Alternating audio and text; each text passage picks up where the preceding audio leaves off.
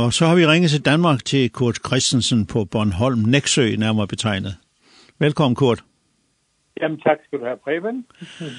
og I, I, har I fået sommer, nej det har I ikke fået, har I fået forår dernede? Øh, ja, på en vis måde. Altså, det, vejret skifter meget lige for øjeblikket. Øh, vi har haft rigtig dårligt vejr og koldt, men så kommer solen frem, og når den så kommer, så er den jo varm. Øh, Yeah. Og de næste dage, så skulle det blive varmt helt op mod 16 grader. Uha. Så det, så det glæder vi os til. Men, men det, har faktisk, det har faktisk været lidt vinterligt her de sidste dage. Yeah. Så vi har måttet tænde lidt op i brændovnen om aftenen. ja. Vi sender det ned til jer. Vi har det heroppe i rigelig mål. ja. Sne og is og det hele. Ja. Ja, når vi snakker om øh, brydningstider, og, øh, hvor og øh, for, forår og sommer og for vinter, der brydes, så er det jo også påskebudskabet, ja, hvor, hvor, det. hvor lyset sejrer over mørket. Ja. Den evige sejr, den endelige sejr, kan man vel sige. Ja, men det er, altså, det er jo den, det er den største begivenhed i menneskelighedens historie. Det er jo, det er jo korset, øh, og, og hvor, hvor alt blev besejret. Djævlen blev besejret. Lyset brød frem med, med kraft, ikke? altså opstandelsens morgen.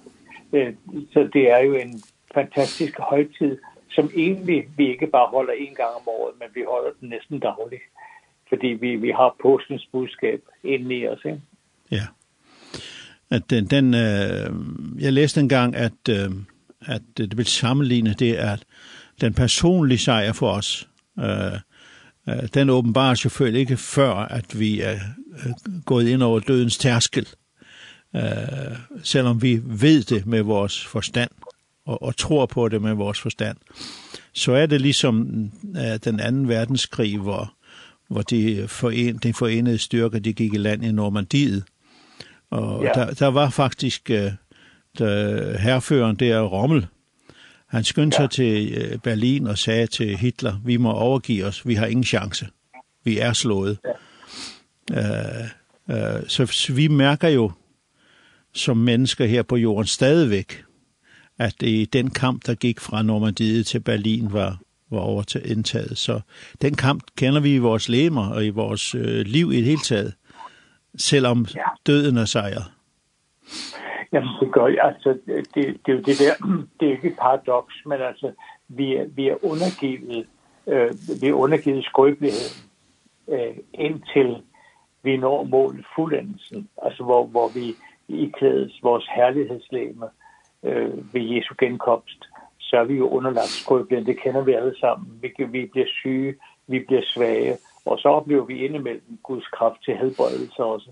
Men, men det, det almindelige menneskelige liv, det er, det er, det, det er lidelsesfuldt faktisk. Øh, og jeg læste lige i går, at Jesus sagde, det er en ond tid, altså det, hvor han selv gik frem, ikke? Altså, der er onde tider, og vi, og vi oplever skrøbeligheden i vores kroppen. Samtidig så har vi den kolossale styrke inde i os med det levende håb. Og øh, jeg sad her i, øh, i lørdags ved et dødsleje, og øh, de har bedt mig komme og holde mad, hvor der var hele familien. Og øh, der, der følte jeg igen det her nærvær af Gud, oversat til vedkommende, som, som er på vej ind i døden nu. Vi ses i himlen og velsignede, velsignede hende og styrke hende, ikke? og familien stod og græd. Men midt i det hele, så var det levende håb. Ja, ja. Som, som vi alle sammen kan, kan bygge vores liv på, kan man vel sige. Jamen altså, det, Jamen, vi, vi, kan vi andet, Preben? Altså, nej, vi kan vel ikke andet. nej, du ser også Ukraine, ikke? Altså, al den, den lemlæstelse og død, og, og, og det, det er så ufatteligt, så vi næsten sejner under det. Øh, men vi, vi, vi kan jo ikke andet end, altså selvfølgelig også selv, jeg har også været ved dødens porte, men, men altså, og, og du har jo også oplevet noget i dit liv. Altså, jeg synes, det der, det der levende håb, og så er det jo i kraft af Jesu blod. Det er jo der, Altså, det er jo ikke vores fortjeneste, men i kraft af Jesu blod, så er der beredt en evighed, som vi godt helt realistisk kan glæde os dog til, at når døden kommer, og det kan komme lidt tidligt i vores liv, og den kan komme, hvor man kan leve længe. Men, men det, der holder os oppe, det er det levende håb ved Jesu opstandelse fra de døde. Ja. Um, um, hvad skal jeg sige? Um, du sagde Ukraine, uh, ja. hvor, hvor hvor vi ser jo kun mørke. Vi ser kun mørke øjeblik. Vi ser, hvor bliver lyset af? Hvordan, hvordan, kan det, hvordan kan det ende godt det her? Det kan vi ikke forstå. Det ser helt håbløst ud, ikke? Uh, sådan er det menneskeliv på en måde også.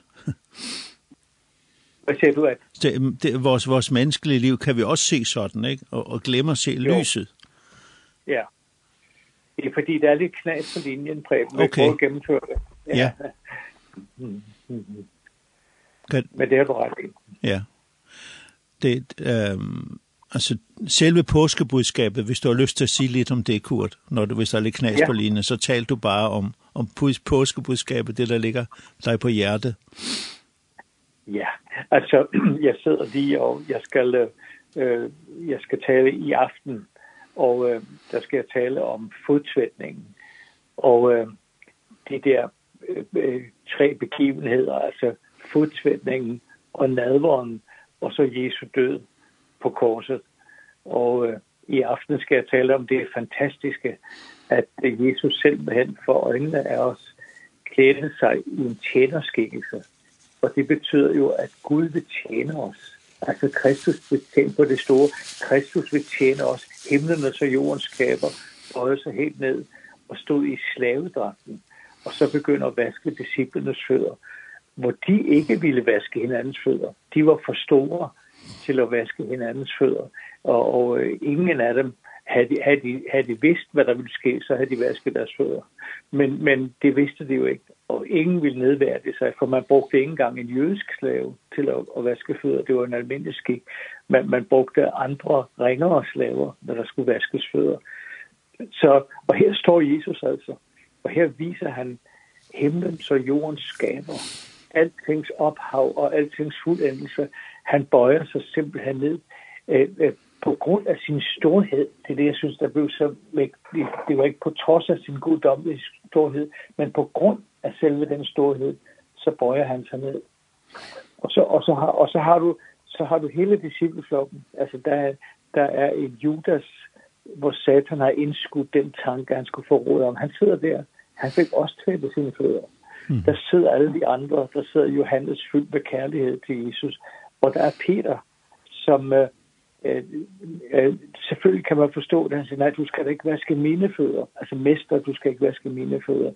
Øh, og så er det, Jesus siger, det er meget betegnende. Hvis ikke jeg vasker dine fødder, så har du ikke loddet del i mig. Mm. Jamen, så, så vask det hele, siger, siger, Peter. Ikke? Ja. Øh, og og, og der, det slår mig også det der med, at... Øh, vi er nødt til at lade os betjene. Altså, vi er nødt til at lade os betjene med al vores hovmod. Lad Jesus vaske vores fødder. Han bøjer sig ned og vasker vores fødder. Og vi kan forøvrigt heller ikke tjene andre, hvis ikke vi selv lader os betjene. Mm. Det, det, det er noget af sandheden i det, ikke? Ja. Øhm, og øhm, så også bare det der med, med selve renselsen. Altså, stik dine snavsede fødder frem. Jesus kom for at rense os, rense os fra alt synd, rense os med sit blod, Og vi har snavsefødder alle sammen. Lad være med at holde dem tilbage, stik dem frem, og lad Jesus tvætte dig rent. Det synes jeg også blev så, så super levende kommer det der.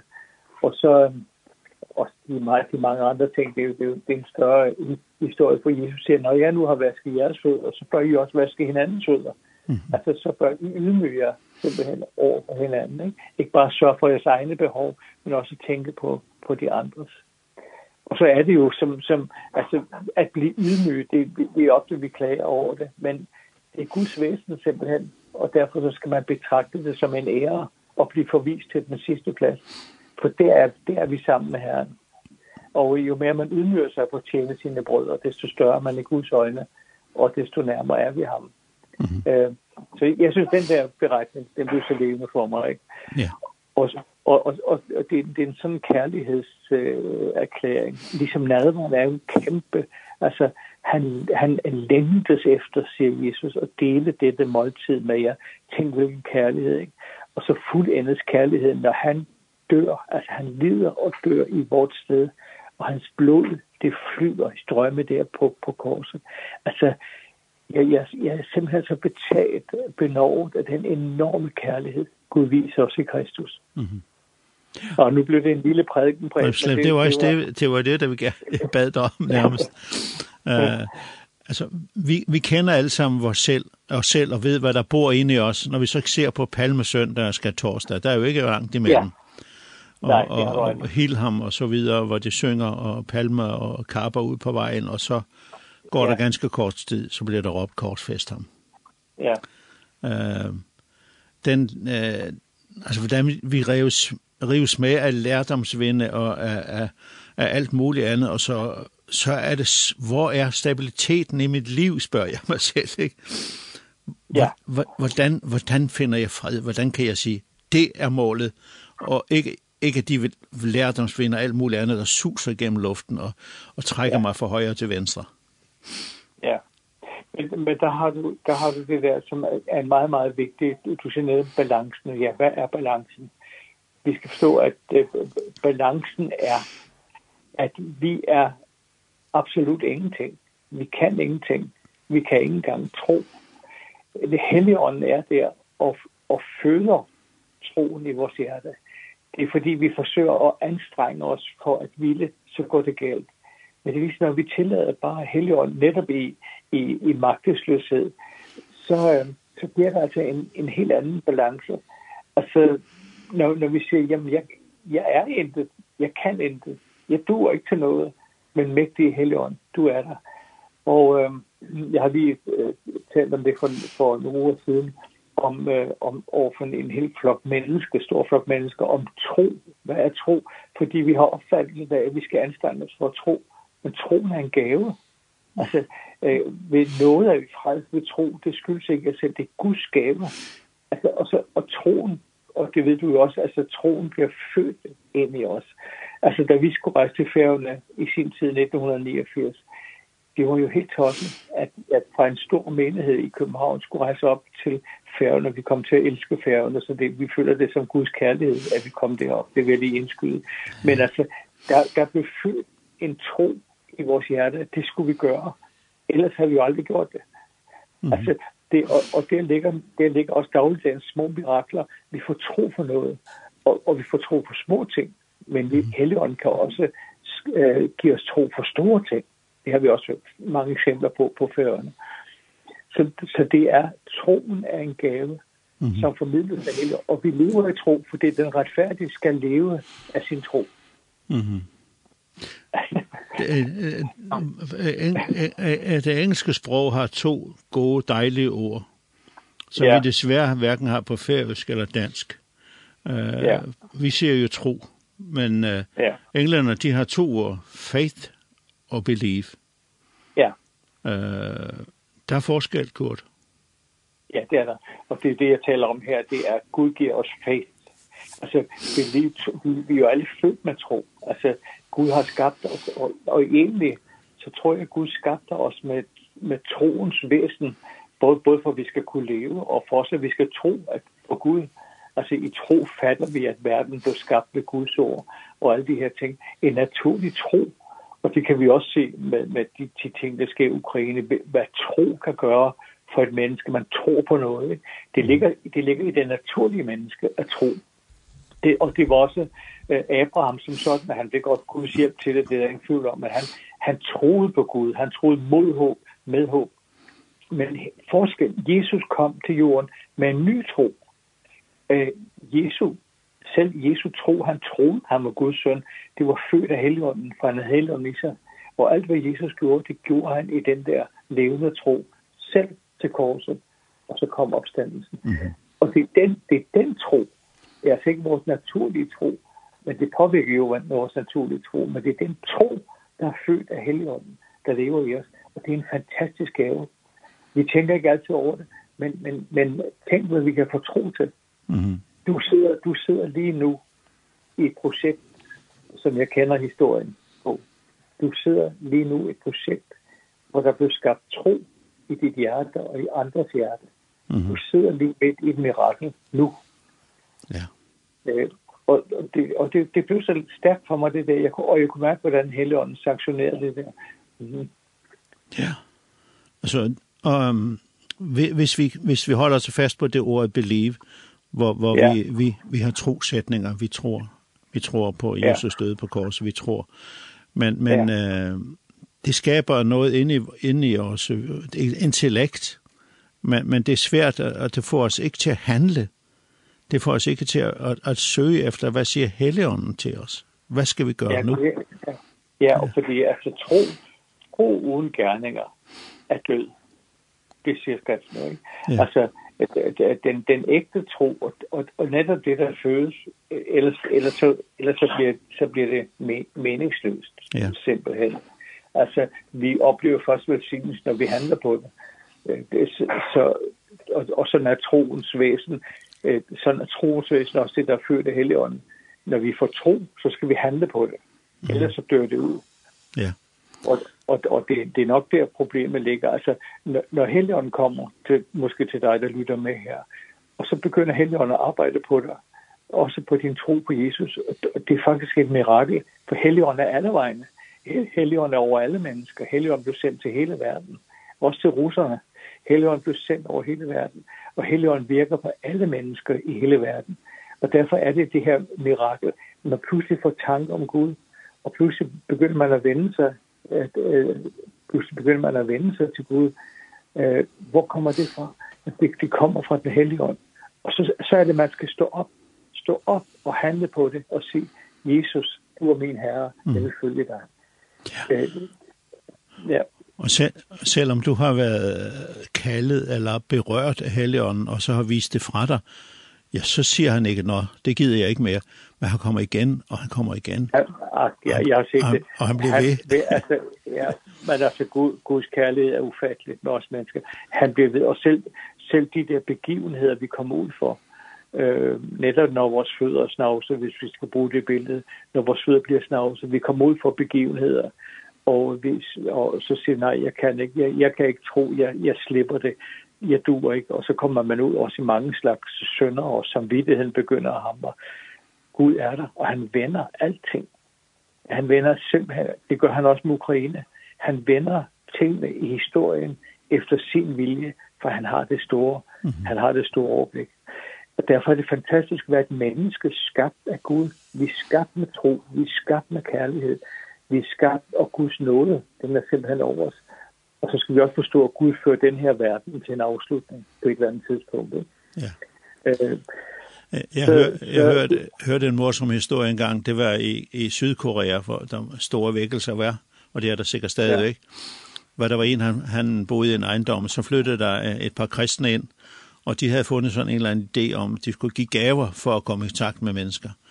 Og ja. de bankede så på på den her, den her mand, og, og, og, og, og gav ham en lille tepot. Og så kom ja. de ind, og så videre, ikke? Og, og så begyndte de med det samme arbejde på ham, og han tænkte, de er så høfligt over, de kan jo ikke sige nej. Så han flyttede bare. ja. Så kommer den næste, og der var også en, der kom med et eller andet og bringe på. tredje gang, ja. han er flyttet tredje gang, så sagde han, nej, nu giver jeg op. ja, ja. ja. Sådan er det. Ja. Guds helligånd giver dig ikke fred. Du kan gøre, hvad du vil. Du kan drukne dig i stoffer. Jeg, jeg, jamen, jeg havde en stor oplevelse forleden dag. Det, jeg har et oldebarn, der er fem år, og øh, de var besøg os, og øh, så, så skal han spille med oldefar. Han, han, han er død. Han skal spille de mest komplicerede spil. Vi skulle også spille skak, og jeg havde, jeg havde glemt det halve øh, med skak og så videre. Men så begynder han at fortælle og spørge mig. Han siger, du er jo præst, siger han oldefar.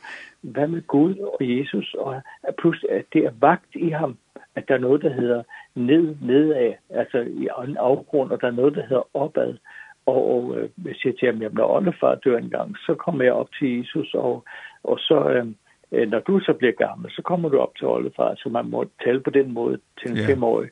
Men, og, men, så, så, så kommer vi til at tale om, at, at Gud kan tale, øh, Gud kan tale inden i os, og vi også har en samvittighed i ting. Pludselig så sad vi, så siger han, vil du godt være stille, oldefar, siger Hvorfor skal det?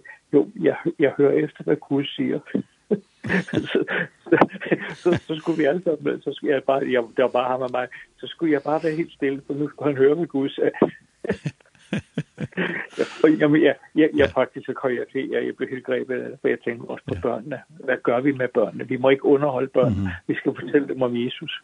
Ja. Altså, vi må godt underholde børnene, men vi skal fortælle dem om Jesus. Vi skal fortælle dem om Guds rige det, det, det der børnearbejde. Ikke? Ja. Altså, jeg, jeg tænker bare på, hvor, hvor, for os for jeg selv kan huske det som barn, hvor Gud talte til mig i, i midt i skolegården, ikke? Mm. at uh, du skal tjene mig. Altså, det, det, som blev udgangspunktet for hele mit liv, hvor jeg tjener tjente herren hele mit liv. Hvor gammel var du, tror du? Jamen, jeg tror ikke, jeg har været mere end, end måske, jeg har ikke været over de 9-10 år. Ja. Ja. Og jeg, jeg stod fuldstændig stille i skolegården, for jeg, jeg blev navlet til stedet af noget uforklarligt. Og så, så, og så mærkede jeg det, og så pludselig så jeg mig selv med en præstekrav, for det var det eneste, jeg kunne forbinde med, at man skulle, man skulle tjene Gud.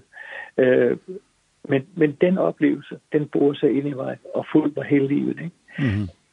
Det er det, at, at Gud taler til. Gud taler til børnene, og han taler til os i dag. Altså, giv vi dog vil åbne vores sind en smule og høre Guds kærlige stemme kald på os, men ingen ja. en af os. Ja. Der er ingen, der er undtaget. Mm -hmm. Guds kærlighed når os alle, også mens vi taler her, når den ud og alle hjemme på færgerne. Den, den hviler over færgerne. Mm. Jeg læste en historie engang om, om en dreng, han kom ned, han havde sit værelse op på første sal, og så kommer ned, og så fortalte sin far, at nu havde han haft besøg igen af den her engel, som sagde så meget godt. Og det gjorde han ja. flere gange, og så siger faren, kan du ikke, kan du ikke kalde på mig, når, når engel laver på dig? jo så en dag, så råber far, nu er han her. Og han gik op, og hans dreng sad og snakkede med ud i luften der, og, og, og fik åbenbart et svar tilbage, og, og, ja. og det, var, en, det var en dialog. Og, og ja. så, siger, så siger faren til drengen, kan du ikke spørre ham, hvorfor jeg ikke kan se ham? Og han spørger ja. så, hvad, hvad svarer han? Han siger ja. det, far, du har kigget på mig, for mig på mig ondt du må rense dig. Ja. Så han gik stille ja. ud af værelset og tænkte, ja. okay. Ja, ja. Ja. ja, men altså, ja, men altså, du har selv oplevet meget af det, Preben, og det er altså i helgens verden. Jeg, jeg, jeg vil næsten sige, at jeg bliver overrasket hver dag. Ja. Og også over den her, den her, også det, altså, giv vi dog vil krybe ned i vores stolthed og sætte os på den sidste plads. Det er der Helligånden virker. Og det er ydmyghed. Det er ja. der Helligånden virker. Det er magtesløshed, der udfolder hans kræfter helt. Min nåde er der nok. Altså, det hele den der stilling i Guds rige, der er simpelthen så vigtig. At ikke vi praler og hæver os op, og vi kan, og vi har tjek på det. Men sæt os ved Jesu fødder simpelthen, ikke? Det kan vi gøre her på påsken, ja. ja. I Johannes evangelie kapitel 14, 1-4, der står, lad jeg ikke overmand af frygt, og bekymring, ja. sagde Jesus. Tro på Gud ja. og tro på mig. I min faders hus ja. er der mange boliger. Hvis ikke, ja. vil jeg have sagt det til jer. Jeg går nu ja. i forvejen at gøre alt i orden, til I kommer. Ja. Ja. Ja. Og der har du, der har du fedt. Altså, tro på Gud og tro på mig. Det, det, og, og, og det er simpelthen den gave, vi får. Ikke? Og det er også det, vi skal, når frygten kommer, det har vi også det der på Bornholm, fordi kommer russerne her, ikke? Og sådan nogle ting. At der er meget frygt for, hvad der skal ske. Men Jesus siger hele tiden, I skal ikke frygte. Altså, have tro på Gud. Have tro på mig. Og så håbet, ikke? Ja. Jeg kommer og henter jer. Og for hvor jeg er, der skal I også være. Det er et skønt ord. Ja. Og til det, det hvor han siger, overmand er frygt. Altså, er ja, vi, ja. Ligesom, oh, ja. nej, jeg kan ikke mere, frygten har jeg overtaget mig, ikke? Ja, ja. Ja. ja. Og bekymringer, ja, det, siger han. Ja. Jesus siger det, det var flere steder, hvor han siger, øh, også hvor han forbander fintræet, ikke? og de bliver overrasket over, at fintræet blev forbandet. Så siger Jesus til disciplen, I skal have tro på Gud. Altså, der, brug, der bruges også ordet fedt. I skal have tro på Gud. Øh, og, så, og, så, og, så, så kommer der alle, alle de her ord. Altså, vi siger tro som et sinderstrå, ikke? Ja. Øh, fordi bare den lille spire tro, den har en mirakuløs kraft i sig. Ja. Og så siger han også sidst, du var inde på det før, i kapitel 14 der, når alt er parat, kommer jeg igen for at hente jer.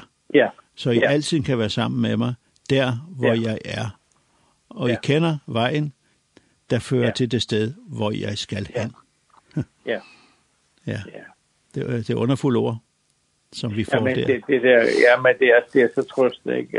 Ja, ja, og, og så kom jo også tvivlen op i, i disciplen, ikke? Altså, vis os fædrene, og det er også nok, ikke? Og, og, og, og alle de her ting. Men jeg tror, det, det er faktisk et vigtigt ord for hele vores verden, ja, at frygt ikke. Tro på Gud, og det må gerne bore sig ind i vores hjerter, tro på Gud og tro på mig. Ja. Og så er der et, og så er der et håb. Altså falder vi død om i dag, så dør vi ikke. Det er også det, jeg sagde til den her døende kvinde forleden dag. Siger, du dør ikke, fordi du udånder her, men du lever øjeblikkeligt videre mm. i evighed til evighed. Fordi døden er i virkeligheden overvundet. Og så er det også det, at ligesom i naturen, der er noget, der må dø for at komme til nyt liv, så må vi også dø for at indgå til det virkelige liv. Og det er jo det evige liv hvor vi altid skal være. Så, så man skal ikke frygte døden, for det, det, det er jo naturligt for alle mennesker i virkeligheden. Vi skal bare, vi skal bare se det som en enestående oplevelse og mulighed, fordi der forvandles vi i det nye liv. Altså, det dør det her, og så opstår der et nyt liv. Ja. Ja. Kurt, det var dejligt at kunne ringe til dig i dag og, og, ja. høre, og høre godt nyt. ja, det, det er altid godt, godt nyt. ja, en rigtig god påske til alle på ja. Ja. ja. Vi glæder os til at komme i maj måned. Ja, ja det ser vi frem til. Det, ja, det er godt, Preben. Ja, ja det er rigtig godt. Helt omkring dig. Tak for udgåringen. Ja. ja. Hej. Hej, hej.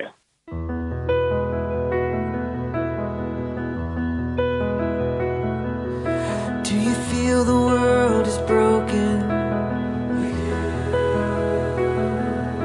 Do you feel the shadow?